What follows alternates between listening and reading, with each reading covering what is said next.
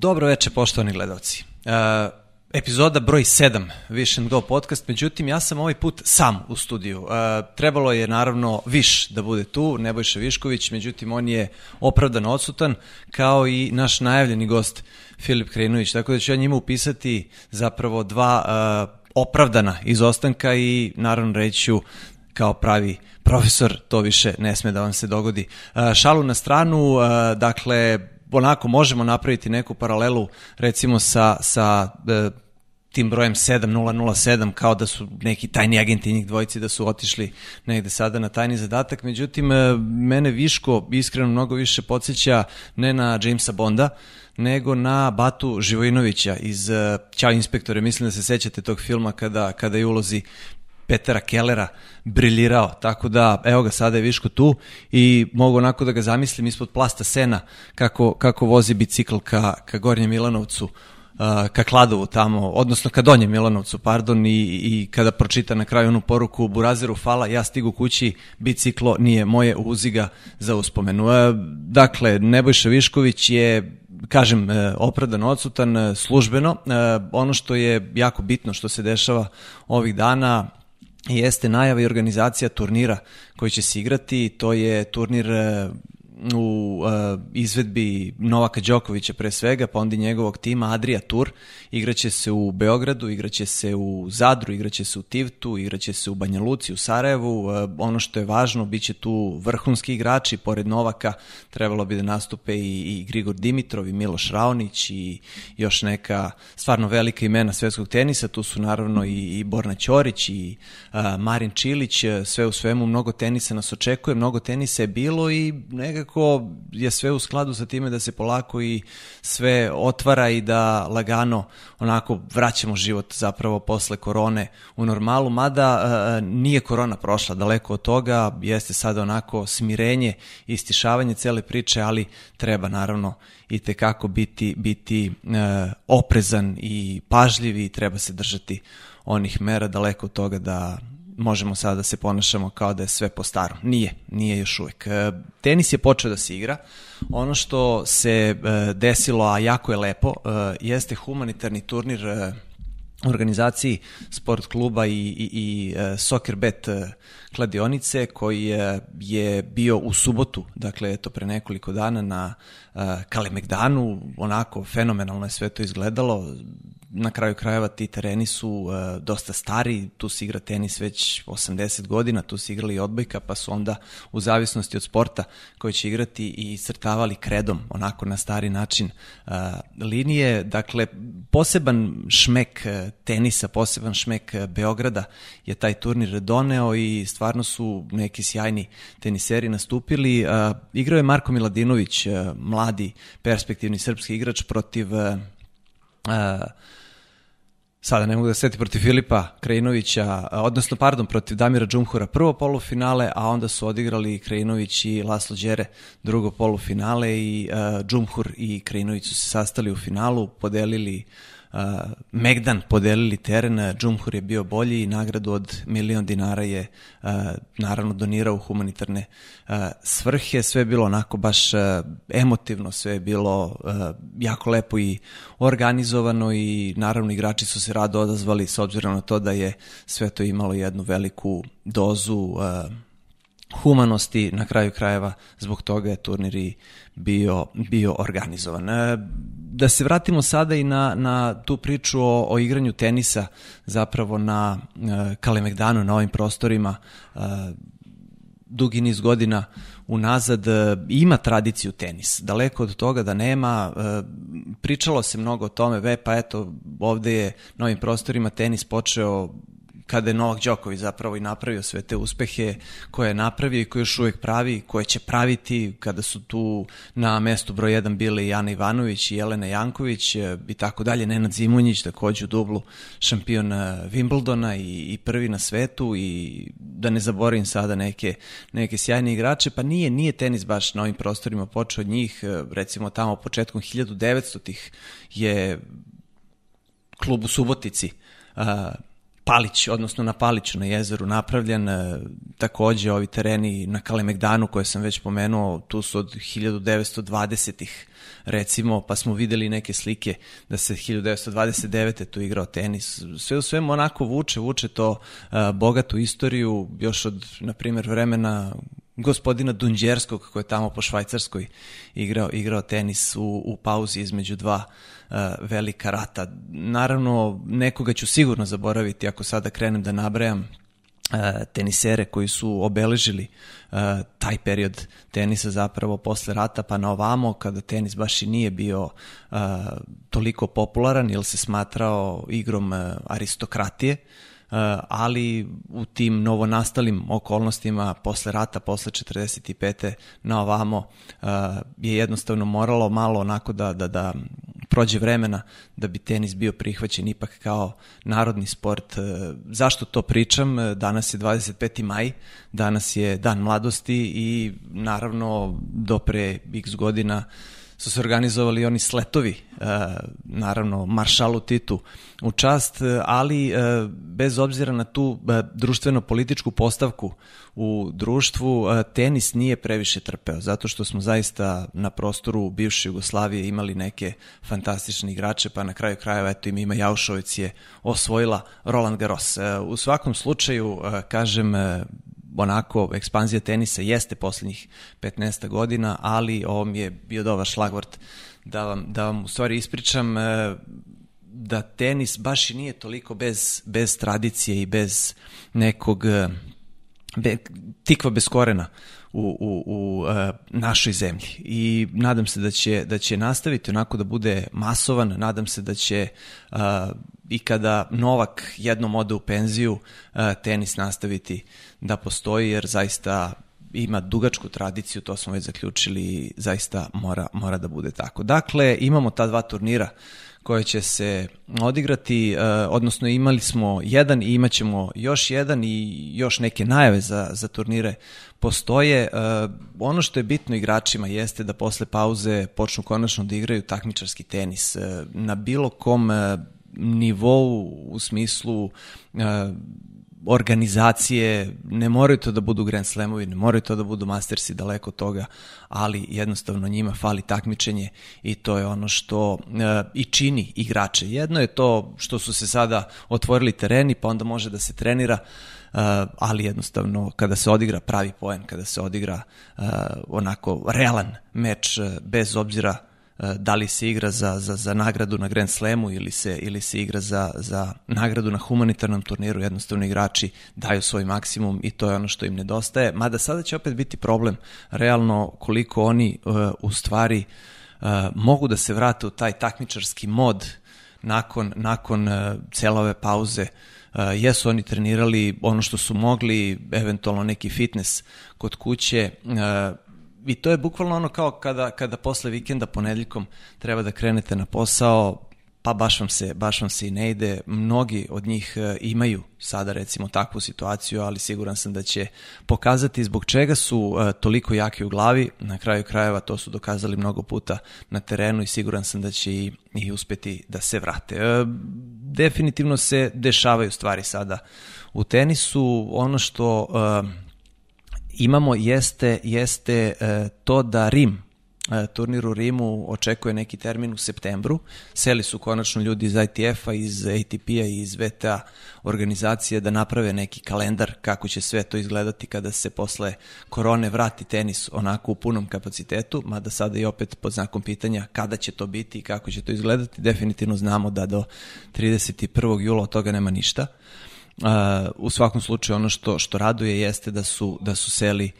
i da će probati da se dogovore. Dakle, Rim hoće da organizuje turnir u septembru, naravno ako ih puste. Uh, Francuzi ne odustaju od Roland Garrosa, 20. septembar je njihov termin, za US Open se još pretpostavlja da će se igrati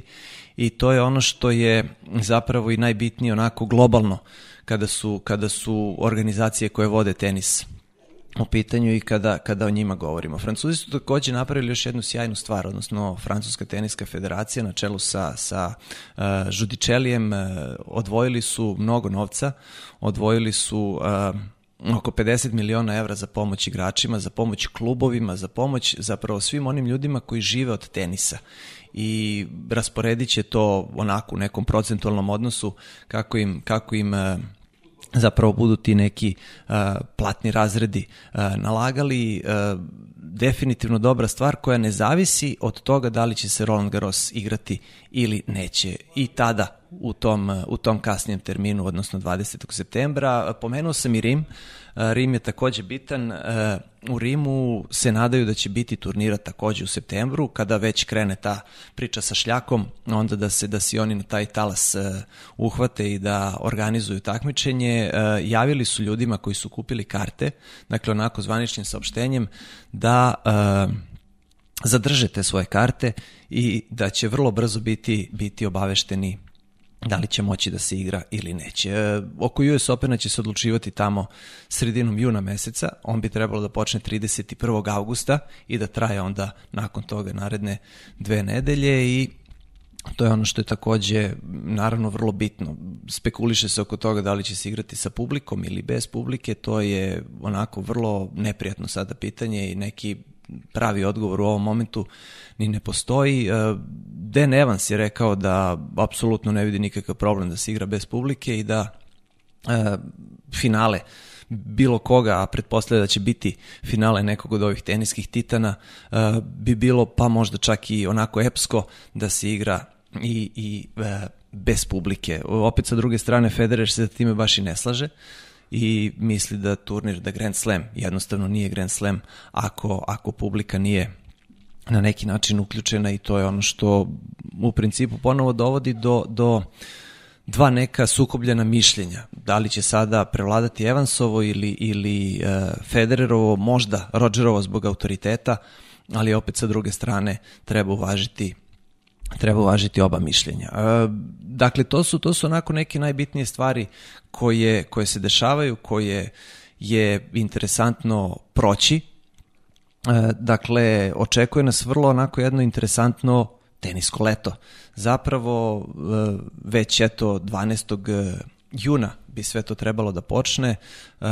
Zamišljeno je da se igra prvo u Beogradu, osmorica tenisera treba da se, da se takmiče, rekao sam pre svega Novak Đoković, pa onda i ostali koji su drage volje se odazvali njegovom pozivu i pristali da, da dođu.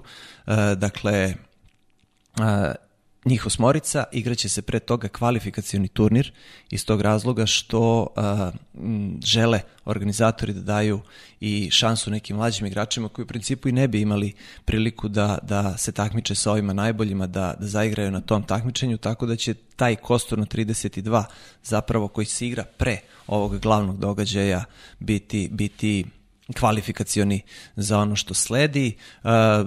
termini su, naravno to, to sada treba, treba napomenuti, uh, da ne pamtim, ja sam, ja sam zapisao, dakle Beograd uh, su 13. i 14. jun u pitanju, Zadar će se igrati 20. i 21. juna, onda će se igrati u Tivtu 27. i 28. juna, u Banja Luci 3. i 4. jula i onda 5. jula u Sarajevu jedan meč, jedan egzibicioni između uh, Damira Džumhura i Novaka Đokovića, tako da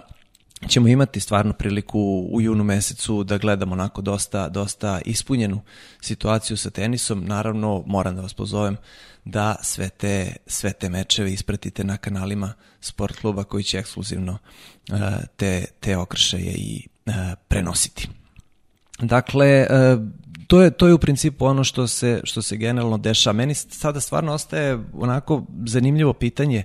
u stvari kako će igrači odreagovati na celu ovu pauzu i na počinjanje igranja tenisa nakon pauze. To je to je ono što pre svega uh, psihički pravi dosta dosta poteškoća jer posebno oni koji su koji su mirni, koji su situirani, koji su koji su dobro rangirani, nisu morali o nekim egzistencijalnim stvarima da brinu i onda su mogli možda da se posvete i nečemu što generalno ne bi ni radili da je onako posao u punom jeku, da je sezona u punom, u punom e, zamahu i jednostavno to su, to su neke stvari za koje ni nemaju vremena realno kada su, kada su na turu, njima pauza traje tamo negde od sredine novembra meseca, već sredinom decembra meseca mora da se krene dalje, mora da se trenira, moraju da se pripremaju oni turniri koji idu oko nove godine i zapravo oni imaju 3-4 nedelje svega tu pauzu, sada je ta pauza bila malo duža, mogli su da se posvete nekim stvarima koje vole, a koje možda nisu mogli da, da rade, pa na kraju krajeva i, i da igraju igrice i da provedu vreme sa dragim ljudima i da otkrivaju svoje kulinarske sposobnosti i sve u svemu, uh, kažem, ono što je, što je vrlo onako, pa, interesantno,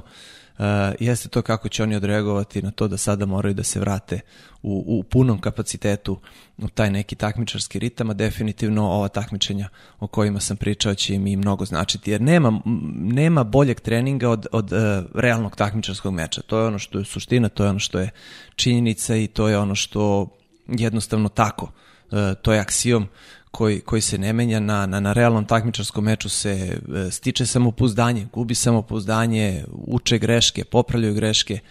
odnosno uočavaju, prave i popravljaju greške i onda sve to jednostavno daje onako neku, neku punoću uh, u tim uh, nastupima igrača i onako formira, formira celu sezonu zapravo kako će i uh, izgledati. Uh,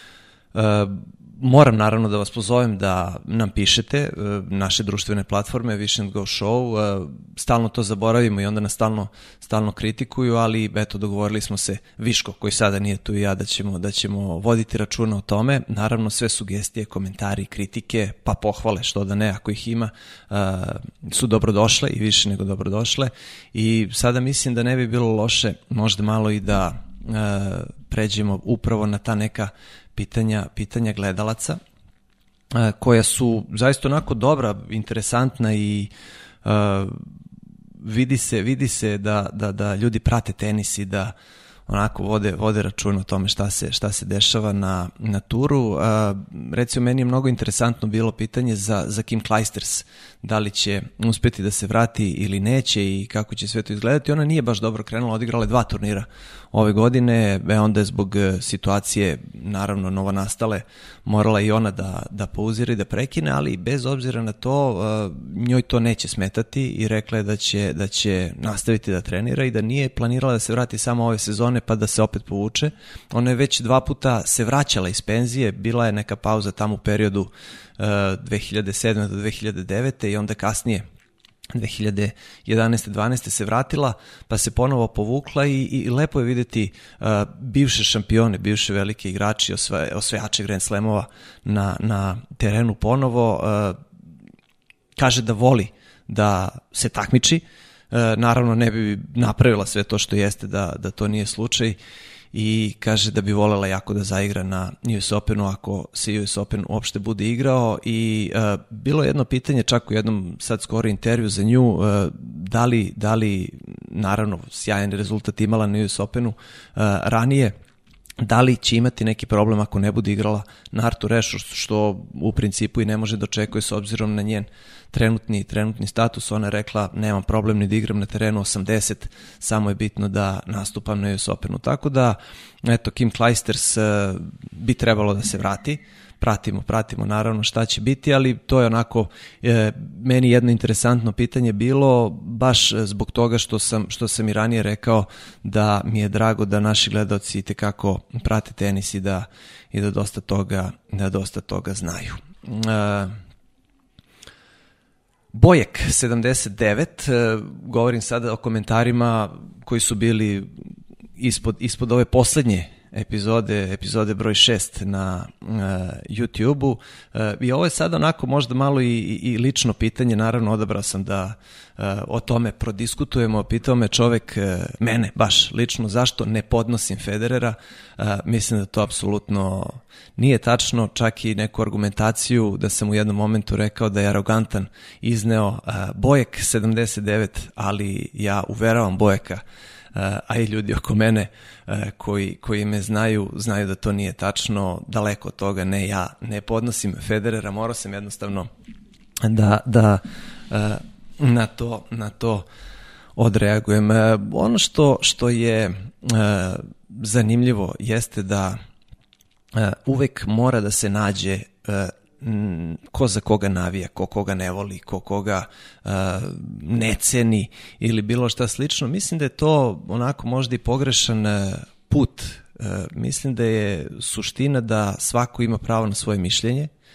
i da jednostavno treba da volimo tenis takav kakav je. Naravno imaćemo svoje favorite, imaćemo igrače koji nam se iz bilo kog razloga e, ne dopadaju što po igri, što po karakteru, načinu ponašanja ili bilo čemu sličnom, ali daleko od toga da neko nekoga ne podnosi i daleko od toga da neko nekoga e, ne voli, mrzi ili šta god, ali mislim da imamo taj, taj e, moment da pravimo neke konflikte tamo gde ih zapravo i nema i to je ono što bi, što bi trebalo izbegavati. E, dalje se, dalje se pitanja tiču e, podloga koje su se onako dosta, dosta menjale u poslednjim godinama, u poslednjim sezonama, pa je konstatacija da su podloge postale iste, e, što manje više onako i, i jeste tačno, jer šljaka posebno u Madridu više nije takva kao što je, što je bila. Do duše Madrid je onako i najmlađi iz te serije turnira, neki turniri uh, poput Rima, poput Roland Grossa, poput Monte Carla, ne odustaju od svog načina pripreme terena, u zavisnosti naravno od sezone uh, se i ta šljaka uh, možda malo šteluje, ali bilo je onih teorija zavere da se priprema za nekog igrača bolje ili lošije, pa da se za Federera ubrzava, da se za Nadal usporava. Mislim da to, mislim da to nije slučaj, jednostavno zavisi od sezone do sezone i pokušavaju uh, organizatori da naprave približno, približno iste terene koji su specifični baš za, baš za taj turnir. E, da, mnogo su se menjale podloge i e, to sve navodi na priču da e, imamo sve manje turnira na travi. Doduše imamo sve manje turnira i na šljaci, već pomenuto i, i bila je konstatacija da bi bilo možda dobro da eventualno Queens ili Hale ne budu turniri iz kategorije 500, da se možda produži ta sezona na travi i da uh, Queens i Hale ili jedan od ta dva turnira dobije, uh, dobije uh, kategoriju Mastersa, dobije kategoriju hiljarki i da to bude nestvarno dobra priprema pred Wimbledon i meni se to čini kao dobra ideja, ali nisam siguran koliko će to moći da se sprovede i koliko će to sve moći onako da zaživi. Meni je mnogo e, krivo zbog toga, međutim trava je onako generalno i ekonomski na kraju krajeva neisplativa podloga i možda treba imati u vidu i taj, taj aspekt, jer svi ovi klubovi koji organizuju turnire, oni žive i E, preko čitave godine, ne samo kada se organizuju turniri i tereni se koriste, osim naravno Wimbledonskog centralnog terena i još nekih, tako da e, eto, tvrdoglavi englezi, uporni, ne odustaju od toga i ne treba da odustanu, ali došli smo od pre, pa eto, 30 godina do sada, e, do situacije da kada smo imali tri Grand Slema na travi, sada imamo samo jedan. E, naravno, Roland Garros se drži, Roland, Gar, e, Roland Garros ne posustaje i ne odustaje, ali eto, tu su, tu su Australian Open i tu je US Open koji, je, koji su doživeli taj, taj preobražaj i, i možemo sada diskutovati da li, su, da li je to dobra promena ili nije dobra promena, ali definitivno je desila se. To je ono što je, što je suština priče i nekome može da se dopadne, nekome ne, ali to je to je e, sadašnjost i to je ono što treba da se prihvati i možda cela ta priča sa, sa podlogama i nije toliko čudna imajući u vidu napredak e, tehnologije, napredak e, materijala na kraju krajeva od kojih se tereni prave, svi ti premazi za, za, za beton koji su doprineli tome da, da može bukvalno da se, da se pravi teren kakav god treba, e, sa sitnijom granulacijom, sa krupnijom granulacijom, sa više premaza, sa boljom amortizacijom lopte, sa višim, nižim odskokom, bržim, sporijim odskokom, e, i tako dalje, velike su, velike su to onako opcije i, i variacije i samo je, čini mi se, nebo granica. Ono što je, što je bitno jeste da ti tereni ostanu i dalje bezbedni za igrače, bezbedni kao što su to uh, ovi tereni od prirodne podloge, od prirodnog materijala, odnosno od šljake i uh, od trave. Uh, u principu uh, uh, to je to. Dakle, onako, eto, obradili smo neke, neke uh, teme u ovoj emisiji. Nadam se da ćete imati razumevanja što nešto kraće, što nešto kraće traje. E, opet ponovit ću još jednom, naravno, e, trebalo je drugačije da izgleda ovaj Vision Go 007, odnosno naša, naša sedma epizoda, ali Nebojša Višković, koji je naravno ovde domaćin, je službeno odsutan, potpuno opravdano i takođe potpuno opravdano je odsutan bio i naš najavljeni gost Nadamo se da će u nekoj narednoj epizodi doći Filip Krinović pa da ćemo se onda lepo ispričati i da ćemo možda i duplo pričati uh, da, da nadoknadimo ovo što, što se danas uh, nije dogodilo. Uh, napravili smo tu neku tradiciju, mini tradiciju Viško i ja. Mi pozdravljamo na kraju svake epizode nekoga i ja ću danas pre nego što odjavim naravno ovu emisiju pozdraviti sve one koji uključuju migavac dok voze automobil kada treba, kada skreću. Hvala. Čujte se.